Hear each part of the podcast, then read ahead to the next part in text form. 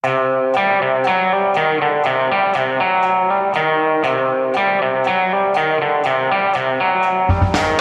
visste jeg at alle disse dagene som kom og gikk, det var selve uke seks. Det er fredag igjen, og velkommen hit, Thomas Giertsen. Tusen takk, Anders.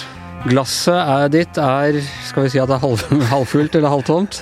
Nei, det er, det er faktisk litt under halvfullt. Litt, så det, det, lover ikke, ikke, veldig godt. Nei, det gjør ikke det. Nei, du får det er et, et mørkt, uh, mørkt syn på tilværelsen. Ja, ja.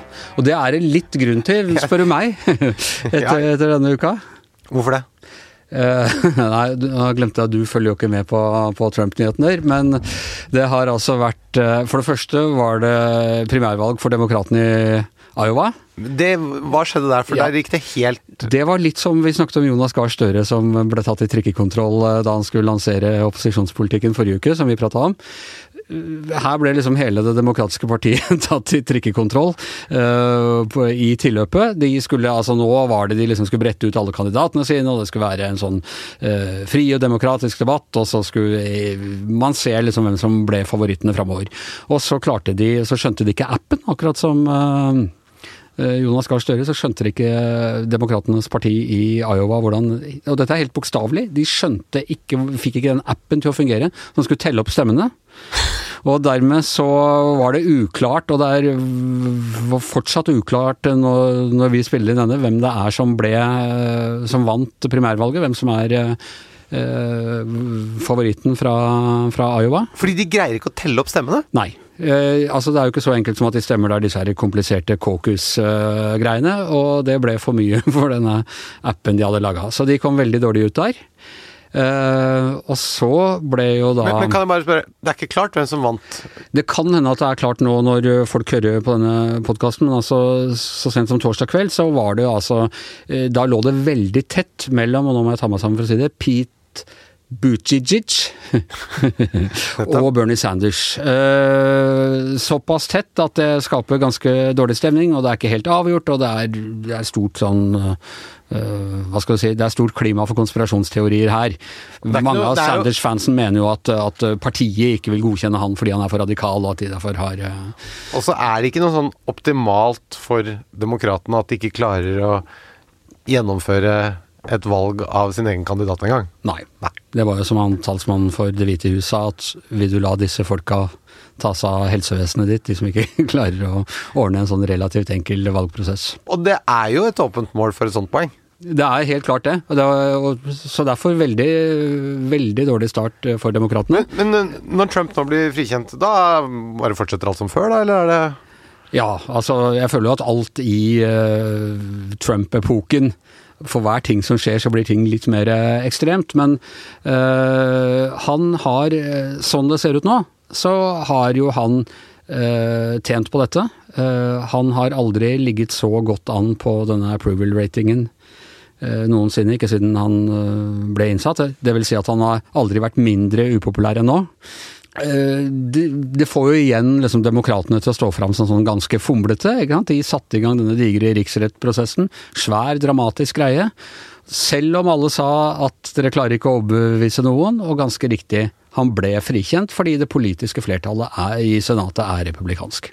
Men Anders, altså, jeg er ikke noen Trump-fan, men Jeg er ikke rasist, men det der Det er veldig urettferdig. Nei, jeg bare, jeg bare Det er det alle Det er det alle på høyresiden som egentlig er litt sånn closet-fan av Trump, og syns det er litt stilig at han er Han sier det rett ut, og han sier det som det er og sånne ting. Jeg er ikke noe Trump-fan, men uh, akkurat det der med shit all countries, det er jeg enig med han i. Bare fordi at jeg gikk med den Make America Great Again-capsen i sommer i Florida, så skal jeg liksom få Så er jeg Trump-fan. Det er så lett å bli stigmatisert når det er sånn polarisert samfunnsdebatt som det er nå. Det, du. Nei, men du Men, men eh, det, det der er så sånn gjerrigstempel og sånt. Du blir aldri kvitt det. Nei. Nei. Det er sånn vitsen you, you fuck one sheep. Nettopp. Ok. Men kan du ikke bare fortelle meg Trump er en demokratisk valgt president. De som stemmer på Trump, og som har stemt han til å bli president, er det fordi de er tjukke i huet? Er det fordi de eh, ikke skjønner sitt eget beste? Er det noe de ikke vet? Eller har de helt eh, håpløse holdninger og verdier? Bare Hvorfor stemmer folk på han? Det er sammensatte øh, årsaker til det. Det er ikke noe vanskelig når jeg leser VG å forstå hvorfor de som ikke stemmer på Trump, ikke gjør det. Det er ikke noe vanskelig. Men kan du forklare meg hvorfor folk stemmer på Trump? Uh, ja, det er jo flere årsaker til at de, at Ja. de stemmer, på, stemmer på Trump. Er han f.eks. bitte litt morsom? ja Det er vel ikke Ja, han kan jo være morsom. Han kan det. Han har vært morsom ved et par anledninger, må jeg innrømme det. Kan du nå fortelle meg en Trump-vits? En vits som Trump liksom har fortalt, som har vært morsom. Ja, du tenk, ja, så du tenkte sånn Det der var ikke så gærent. Han er ganske god til av og til altså For eksempel, jeg husker han øh, Dette var, tror jeg ennå var i valgkampen. øh, så ble han spurt om øh, dette med Twitter, at han brukte Twitter så mye. Og så forklarte han på en veldig smart og litt morsom måte hva som var bra med Twitter. Eh, At å ha en Twitter-konto det er akkurat som å eie The New York Times, men du slipper de svære økonomiske tapene. Nettopp. Da fikk han liksom både forklart, er ganske her får jeg sagt uimotsagt det jeg vil si, jeg når ut til hele publikummet mitt, og så fikk han samtidig dissa New York Times som på den tiden sleit litt med økonomien. men uh, flere Trump-vitser? Eh, ja, så var det her i forrige uke eller uka før, da han John Bolton, vet du, han veldig konservative tidligere eh, nasjonale sikkerhetsrådgiveren hans, han gikk jo ut mot Trump og var villig til å vitne mot ham i riksrettssaken og, og sånne ting. Ja. Og da Trump kommenterte han, så sa han at hvis jeg hadde hørt på John Bolton, så hadde vi vært i sjette verdenskrig nå.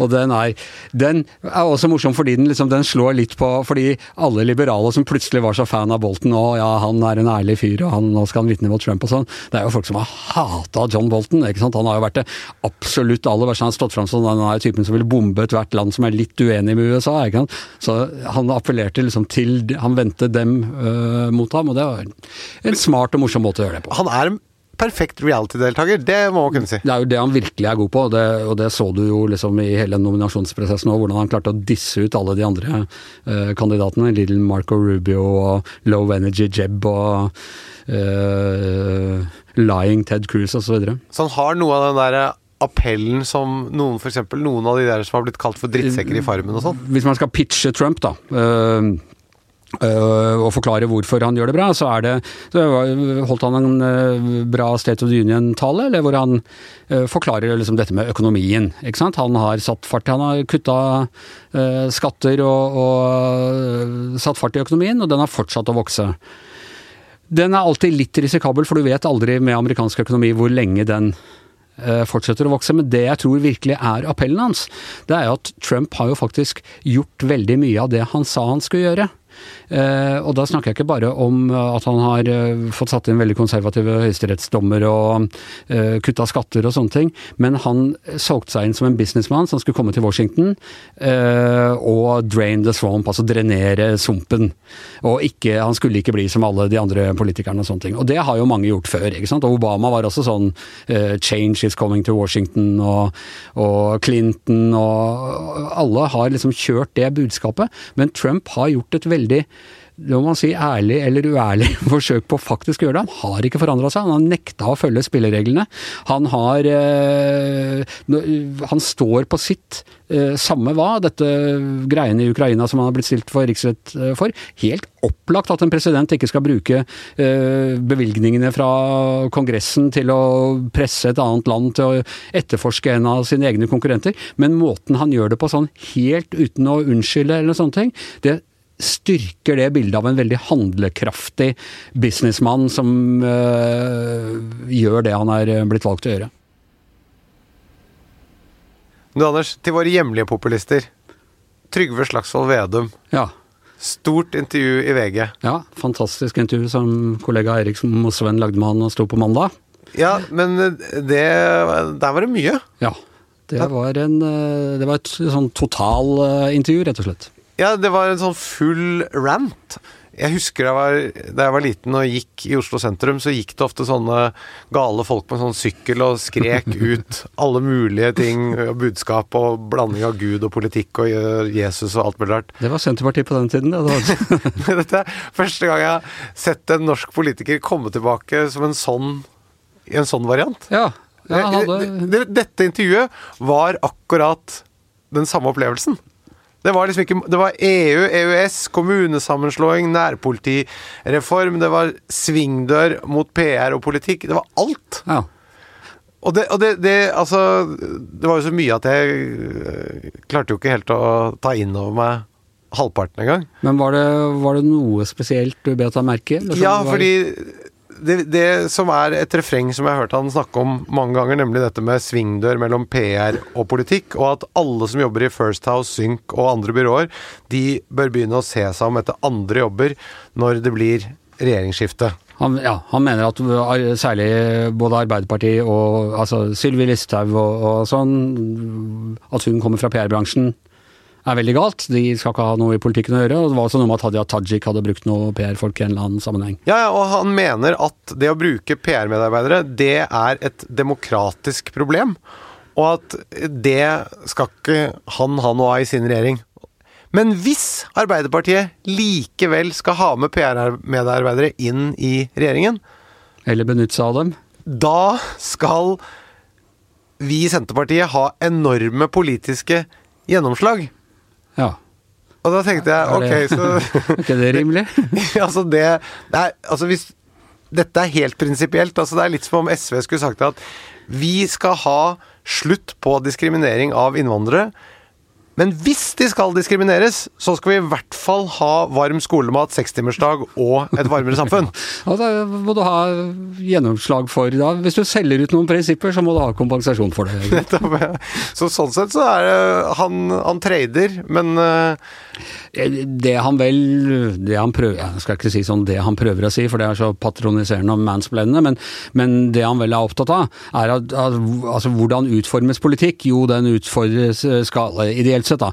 Utformes gjennom eh, demokratiske kanaler, folk skal møte på møter, og der vedtar man paroler, og noen blir stemt fram, og noen blir stemt ned, og man har sånn politiske verksted og sånne ting.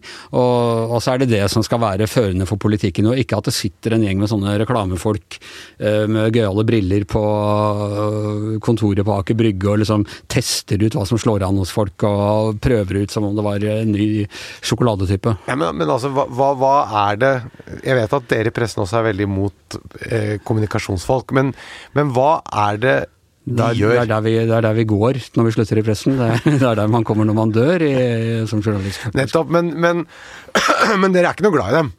Nei, det er et litt anstrengt forhold med Men hva, jeg tenker sånn, hva, hva er det de gjør? For det første så er det jo sånn at i dag så er det enorm flyt av informasjon, så det å tydeliggjøre et budskap og snakke klart og tydelig, det tenker jeg er en god egenskap. Og hvis noen kan hjelpe til med det, så tenker jeg det er ganske fint for oss som sitter og mottar den informasjonen. F.eks. sånn at vi slipper sånne lange tirader som han Trygve Slagsvold Vedum hadde i VG nå. Da kunne han spisset budskapet sitt litt tydeligere. Hvis han har en kjempegod politikk, så er det vel helt topp om jeg kan få litt større og bedre forståelse av den politikken enn det jeg i hvert fall fikk av det utspillet hans der, da. Mulig jeg er i overkant naiv, her, men syns du ikke det er bra at han da Det de på dataspråket kaller 'what you see is what you get'. Sånn er han.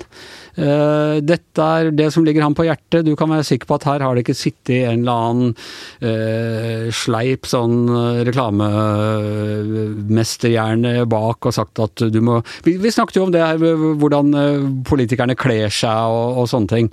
Eh, er, det, er det ikke greit at han ikke har et sånn produkttilpasset uh, måte å presentere budskapet sitt Det er greit, for all del. Er, selvfølgelig. Jeg, jeg, det er ikke noe demokratisk problem at han ikke har det, men jeg foretrekker folk som snakker til meg på en tydelig måte, og som jeg forstår. Og det er på samme måte, altså Kommunikasjon det er helt basic hjemme hos meg også. Hvis jeg har et problem med barna, så tenker jeg jo på hvordan skal jeg snakke med dem om dette? Hvordan skal jeg kommunisere det med barna? Jeg er veldig spent på hvilket reklamebyrå du ringer for å få hjelp med det. Nei, men, men, men jeg tenker meg jo om, og jeg syns at hvis det er folk som er flinke på dette her, så gjør det jo ikke noe om de er med å hjelpe til, enten det er i politiske partier, eller det er på vegne av staten, for å kommunisere eh, budskap som staten måtte ha. F.eks. Hvis, hvis staten bruker et kommunikasjonsbyrå for å få ned eh, eh, trafikkulykker, da. hvis de spisser budskapet på en god måte, så det er intuitivt, og du får lyst til å senke farten i bilen, f.eks. Det, det, vil jo han, det vil jo han fjerne, da. For staten skal ikke bruke PR-byråer lenger. Ja, han mener vel at dette da skal skje, og nå blir vi bare på det tekniske, at dette skal skje mer sånn innomhus. Da må det være Da må det være Det var noen som ikke kan det, som gjør det. det er noen som har vært med i Senterpartiet i mange år. Som, eh, som, som jo for øvrig også er en lobbyistorganisasjon i seg selv, er det ikke det? Uh, ja, altså Ja. Mange har jo hevda det, at de er en sånn lobbyistorganisasjon for men, men, alle de politiske partiene har jo utgangspunkt i en eller annen type særinteresse. Høyre kom fra næringsliv, Arbeiderpartiet fra arbeiderbevegelsen. Jo, men arbeiderne, det, det er Arbeiderpartiet, arbeidere, det er, det er ikke bransje- og sektorspesifikt. Altså, her er det landbruket.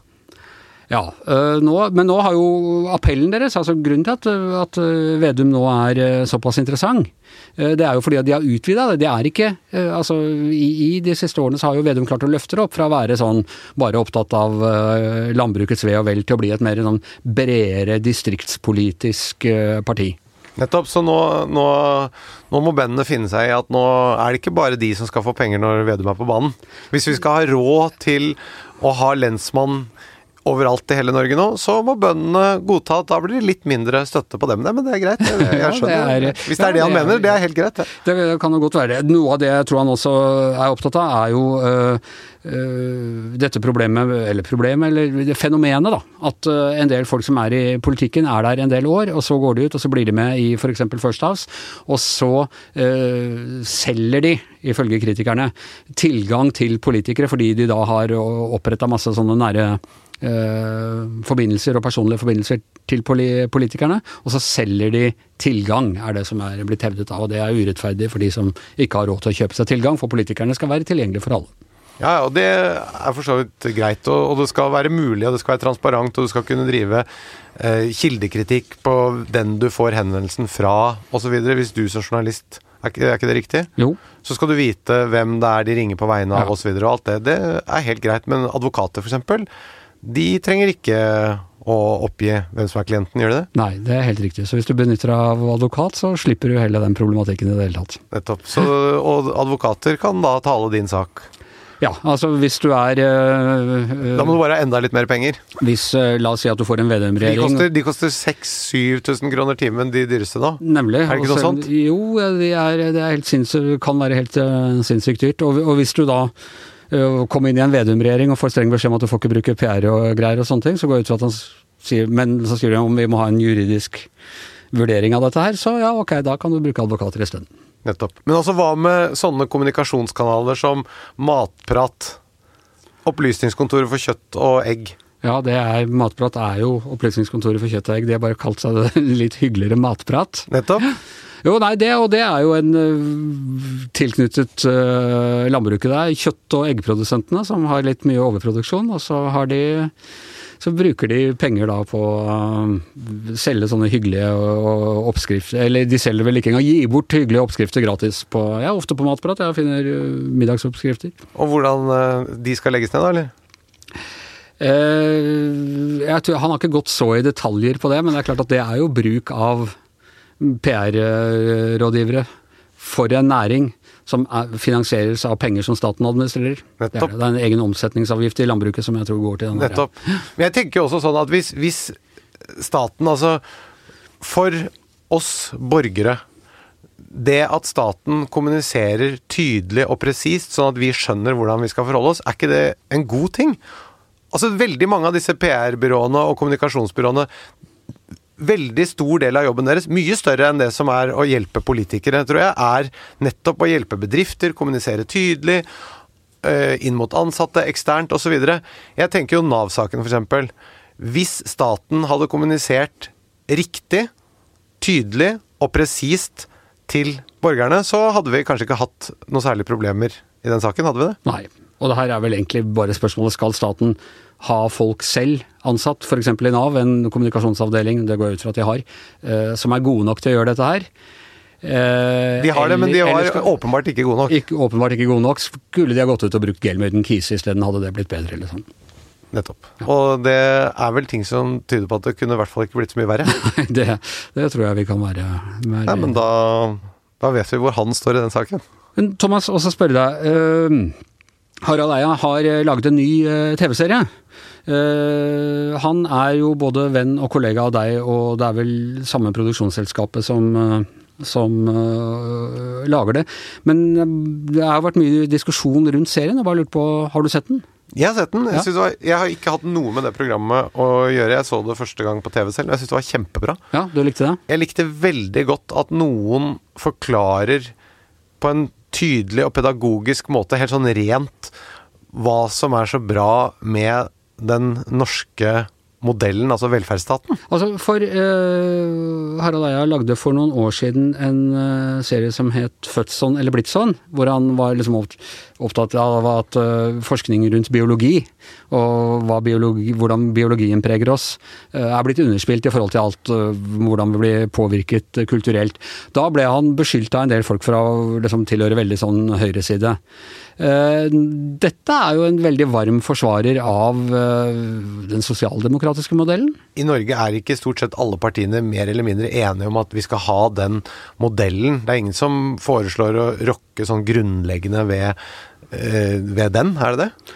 Nei, det er vel kanskje ingen av partiene som gjør det lenger. Nei, altså man, man vil ha et eh, det, Man vil ha helsevesen, skolevesen finansiert av det offentlige, og så vil man ha Så, så diskuterer man litt kalibrering av modellen, men, men alle disse tingene er relativt lagt, og det er ingen som rokker ved det. Nei. Dette jeg likte med dette, var at uh, Harald sitt prosjekt er så presist og tydelig og hva skal vi si for noe beviselig. Det er en, en modell, og så måler man effekten av hvordan borgerne opplever den, og den er balansert. Det er, det er liksom den øh, Så langt en, kan det se ut som at det ikke fins noen måte å drive et samfunn på som er bedre både for de som har lite, og for de som har mye. Ja, og det siste programmet så gikk det jo akkurat på hvor er folk lykkeligst, og det er i de nordiske land. Ikke bare i Norge hvor vi har mye penger, men, øh, men også i da Finland var vel det lykkeligste, og, og Sverige og Danmark. Nettopp, og det, Men det som var gøy å se, var jo at da kom også da folk fra venstresiden kom jo på banen og ville si at øh, høyresiden har øh, prøvd å rive ned velferdsstaten. Og så har jeg inntrykk av at øh, ytre venstre de har litt sånn sånn Jo da, modellen er ok sånn, men den var bedre før. Eh, Den var bedre på sånn 60, 50-, 60- og 70-tallet, når staten hadde enda større innflytelse, før Willoch-regjeringen kom og liberaliserte økonomien. Nettopp, og det, det, er det jeg tolker som en sånn kalibrering av den samme modellen, sånn dypest sett, da. Men, men mitt spørsmål da er at når folk fra Rødt, altså tidligere AKP-ML, de ville jo avskaffe hele modellen. Og de ville ikke gjøre det på demokratisk vis, som tross alt øh, Høyre har i hvert fall forholdt seg til de spillereglene hele tiden. Mens her er det jo folk som ville avvikle modellen gjennom en væpnet revolusjon. Det, men, men det er noe, og det kommer jo for så vidt også fram i det programmet. De aller fleste nordmenn som befinner seg innenfor, eh, hva skal du si, i hvert fall fra SV til og med Fremskrittspartiet, er på en måte enige om at Norge er et bra land, at det er masse som funker her og sånne ting. Det er ting man kan klage på, som du sier, kalibrere og, og gjøre bedre, men i bunn og grunn så er den modellen vi har bra. Men eh, begge mener at Men det kan ikke vare, ikke sant? Fordi venstresiden mener at for høyresiden privatiserer så mye og, og eh, lar private foretak overta omsorgsoppgaver som burde til, tilfalle fellesskapet og sånn. Og så har du høyresiden som sier nei, men venstresiden de bruker for mye penger, og de, eh, de slipper inn for mye innvandrere som, eh, som ikke er produktive nok, og, og det hele. Så eh, greia er liksom Det er ingen som er at vi, vi skal til det og det samfunnet. Der oppe i horisonten ligger utopia. Vi er i utopia. Nå må vi passe på at vi ikke ødelegger det. Men akkurat det du sier om at, eh, at høyresiden tradisjonelt sett har klaget på at venstresiden bruker for mye penger, det argumentet kan de ikke bruke lenger. Nei. For, for de bruker jo mer penger enn alle. Ja, den, den, den blå-blå regjeringen har brukt mye penger. Det, Det har de, så ja. det er nå i hvert fall Det må vi slutte å mase om. Å være så rike, og så samtidig måtte si nei til ting, det tror jeg er en eh, utfordring. Altså, Vi snakker i store, overordnede perspektiver her nå, så, så er man enig om den modellen. Og så tenker jeg også at det, i det store bildet Det er litt forskjell på desimalene, men i, i det store bildet så er man også enig om at man ikke kan ha ubegrenset innvandring for å ivareta den modellen. Der er jo de norske partiene ganske enige, er det ikke det? Ja, og det har de vel alltid vært. Det var jo var vel fagbevegelsen i sin tid som på 70-tallet krevde innvandringsstopp. Nettopp. Eh, da det var eh, Arbeiderparti-regjering. Nettopp, så den... Men, men, det er jo uenighet om tallene. Husker du Støre ja, det, gikk ut med sånne tall på hvor mange syriske flyktninger vi skulle motta og sånne ting. Nettopp. Og det, det, det, er snakk om hvor man setter grensen. Nettopp, helt riktig. Så men, men hva, er også, magiske, hva, er det magiske, tallet som gjør at vi kan se oss i speilet? Jeg tror Støre, etter at han uh, gikk ut med det ved 10 000 flyktninger som han høyna til 15, eller hvordan det var. Jeg tror han liksom brant seg på det, at vi skal ikke tallfeste for mye. Så snakker vi heller litt sånn ullent om våre internasjonale forpliktelser og sånn, men alle aksepterer etter den flyktningkatastrofen at du kan, du kan ikke bare åpne grensene. Nettopp. Så den, den som på venstresiden, den solidariteten som på venstresiden har vært uttrykt gjennom hjerter og sånn, det, det har en geografisk avgrensning? Ja, og ikke opprinnelig, for det var jo Var det ikke Lenin som sa at proletariatet kjenner intet fedreland? Det var liksom Nei, men der har, de, der har de tatt noen forbehold med tiden, da. Mitt spørsmål hvem stenger grensen først? Rødt eller Kristelig Folkeparti? Altså Rødt, i hvert fall en falang av Rødt, er jo veldig sånn eh, nasjonalt orienterte. Nå holdt, på, nå holdt, jeg på, å kombinere to ord som ikke, skal, ikke kan kombineres i, i, norsk debatt. Men eh, de er veldig nasjonalt orienterte ikke sant? og opptatt av eh, norske arbeidsplasser og, og sånn. Men så har du en annen falang som er mer sånn internasjonalt eh, orientert og opptatt av flyktninger og eh, internasjonal solidaritet og, og, sånn, som sikkert er mer liberale der. Så det tror jeg er en brytning innad, innad på venstresiden. Men det er vanskeligere for Kirken å gjøre den avgrensningen enn for sosialistene, tror du ikke det? Jo, det, det, tror jeg helt klart at det er. Men du, du har jo sett en brytning i Kristelig Folkeparti òg, som også går litt etter de, de linjene der. Men jeg hørte at jeg sa sosialistene. Det høres ut som det er en veldig avstandsmåte. Jeg burde kanskje sagt venstresiden for å virke litt mer nøytral? Ja, ja altså det, Ytterst så kaller de seg fortsatt sosialister, så det er ikke noe galt i å Nei, men det, det høres veldig sånn snakke Du må bare sånn ikke si nasjonal først, så går det bra. men den derre veldige sånn litt vestkanten av sal å si sosialistene det, jeg hadde en gammel, gammel, tante som sa at hun hadde stemt på Høyre i alle år, for hun var livredd for bolsjevikene. Nettopp. Men det, det, er flere i Rødt som nå prøver å ta eierskap til Gerhardsen og til sosialdemokratiske modellen, er det ikke det? Jo, det er en sånn uh, tilbakeskuende, det man kanskje kan kalle reaksjonær, drøm om industrisamfunnet på liksom 60- og 70-tallet. Uh, som, uh, som, en del på ytre venstre har en sånn fetisj på, ikke sant? som uh, gamle industriministre og, og sånn i, i gamle arbeiderpartiregjeringer. Det var historiens høydepunkt, og, og, senere så har det gått nedover. Nettopp, selv om de da ikke var helt enige med den Eller at fedrene og mødrene deres ville, ville styrte de samme ministrene med våpen i hånden, ja.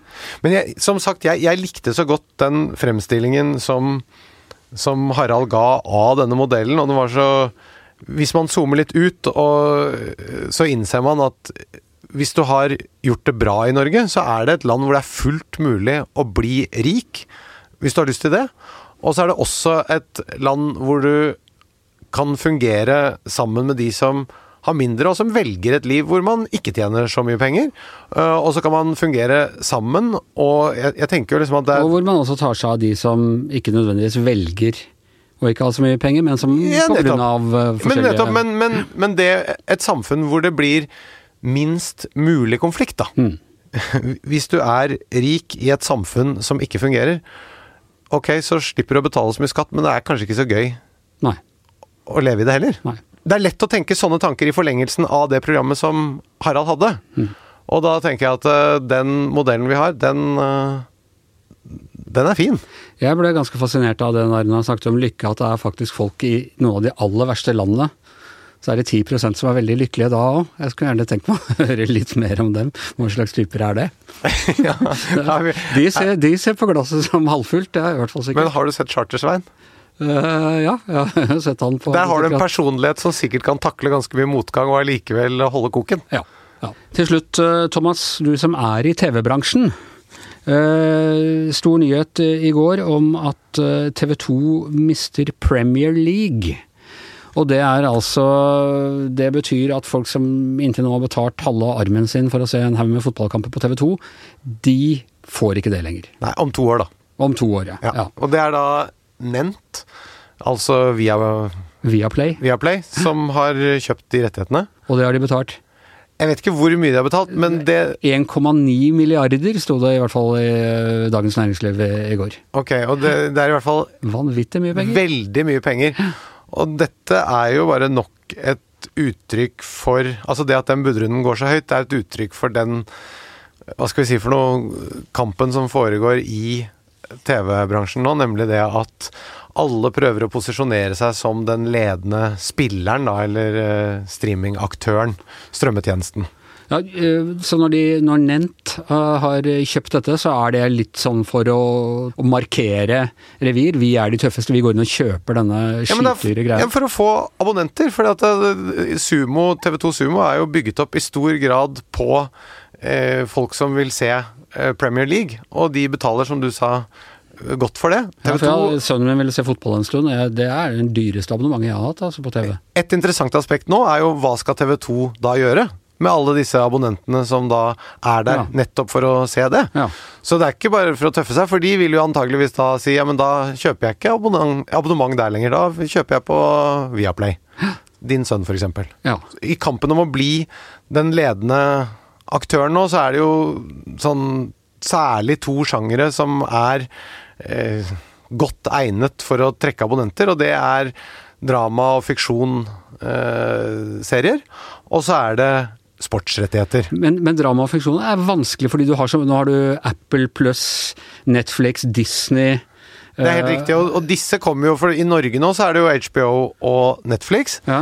Mens nå har jo Apple kommet med, med sin løsning, og så og da Disney med en enorm katalog. Og så kan man jo tenke seg at eh, disse norske aktørene, eller, eller internasjonale aktørene som er i Norge, posisjonerer seg for kanskje å bli kjøpt opp f.eks. av Går det an å Disney, da. peke på noe? Kan du se noen sånn størrelse der ute? Da blir TV 2 nødt til å kjøpe den pakka? Eller, eh, eller står de nå, er de nå bare liksom robbet for, fra arvesølvet og står der sånn opprådd og vet ikke hva de skal gjøre? Ja, altså nå har Nent har jo nå eh, Om to år så har de vinteridretten, og så har de Premier League. Og så har Discovery, eh, som jeg jobber for, de har da OL.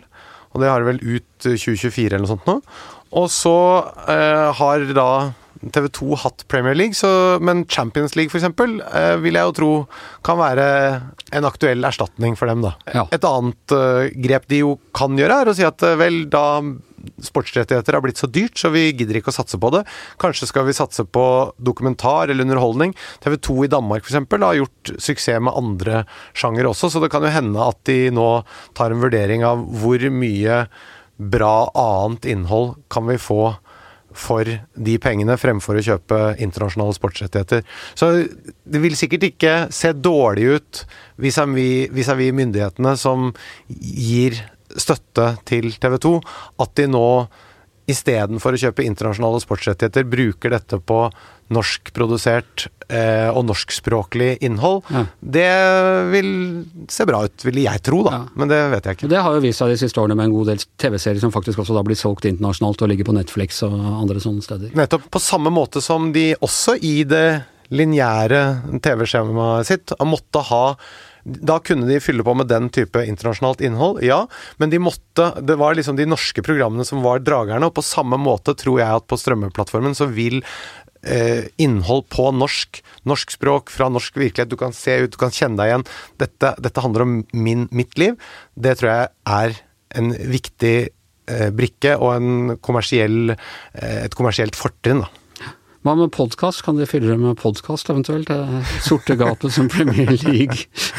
To tungsinger som står i et studio og prater sammen, kan det være et Hvis du, ser for deg, hvis du ser for deg en steinrøys, Anders, og så tenker du liksom helt, helt ytterst ute Altså, der er det litt søppel, og så er det liksom helt bortenfor der, så løper det noen rotter og holder på. Det er oss, Anders. Det er oss. Det er, mens liksom det toppen Toppen av steinrøysa, det er Premier League, og vi er råtne Jeg vet ikke om det bildet jeg vet, det, det, det Jo, begynte akkurat steinrøys var interessant eh, Nei, altså, tenker Hva skal jeg si? Herregud, du begynner å male noen ganger. Så altså, en kunstner, han kan kaste lerretet. Her er det ikke mulig. Her i VG her bare sendes alt ut på lufta. Dere klipper jo ikke bort noe som helst. Så alt det dumme jeg sier, det kommer rett ut. Ja. Så hadde jeg vært kunstner nå, så hadde jeg revet av det lerretet og malt det på nytt igjen. Ja. Mens her går det ut. Og dette er kanskje også en av grunnene til at podkast aldri blir noe, Anders. Det er nettopp dette. Magne, dette må vi klippe bort etterpå. Um, uh, jeg nevner det annet fordi jeg tenkte jeg skulle bringe en liten nyhet, en liten intern podkastnyhet fra den lille rottereiret ytterst i steinrøysa nede i bakken. Og det er at vi har fått ny podkastsjef i VG. Nettopp. Eh, Hun heter Helle Skjervold. eh, Har tidligere jobba i Aftenposten og bl.a. vært London-korrespondent der. Men hun eh, jobber nå i Google, som du er så redd for, som vi prata om forrige gang, vet du. Nettopp. Som Og hun eh, Og er kommunikasjonssjef i Google, og hun begynner her 1. mai som sjef for alle podkastene i VG. For VG skal satse mer på podkast. Så da skal hun bli sjefen vår. Da blir hun eh, sjefen vår, eh, rett og slett. Nettopp. Men da har hun kuttet båndet til Google.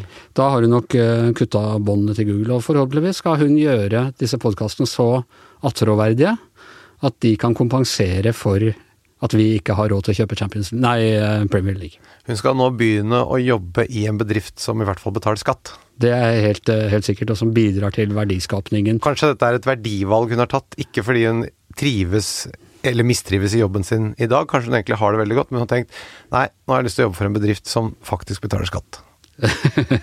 det skal ikke jeg spekulere i uh, hva som er årsakene. Kan vi spørre henne om når, når hun begynner? Kan, kan vi ha henne som gjest her? Men uh, da er Giæver og Gjertsen uh, over for i dag. Tusen takk til deg, Thomas Gjertsen. Du, tusen takk for meg. Eh, jeg heter Anders Giæver, og bak spakene vår eh, landsfader og limet som holder alle VGs podkaster sammen, Magne Antonsen.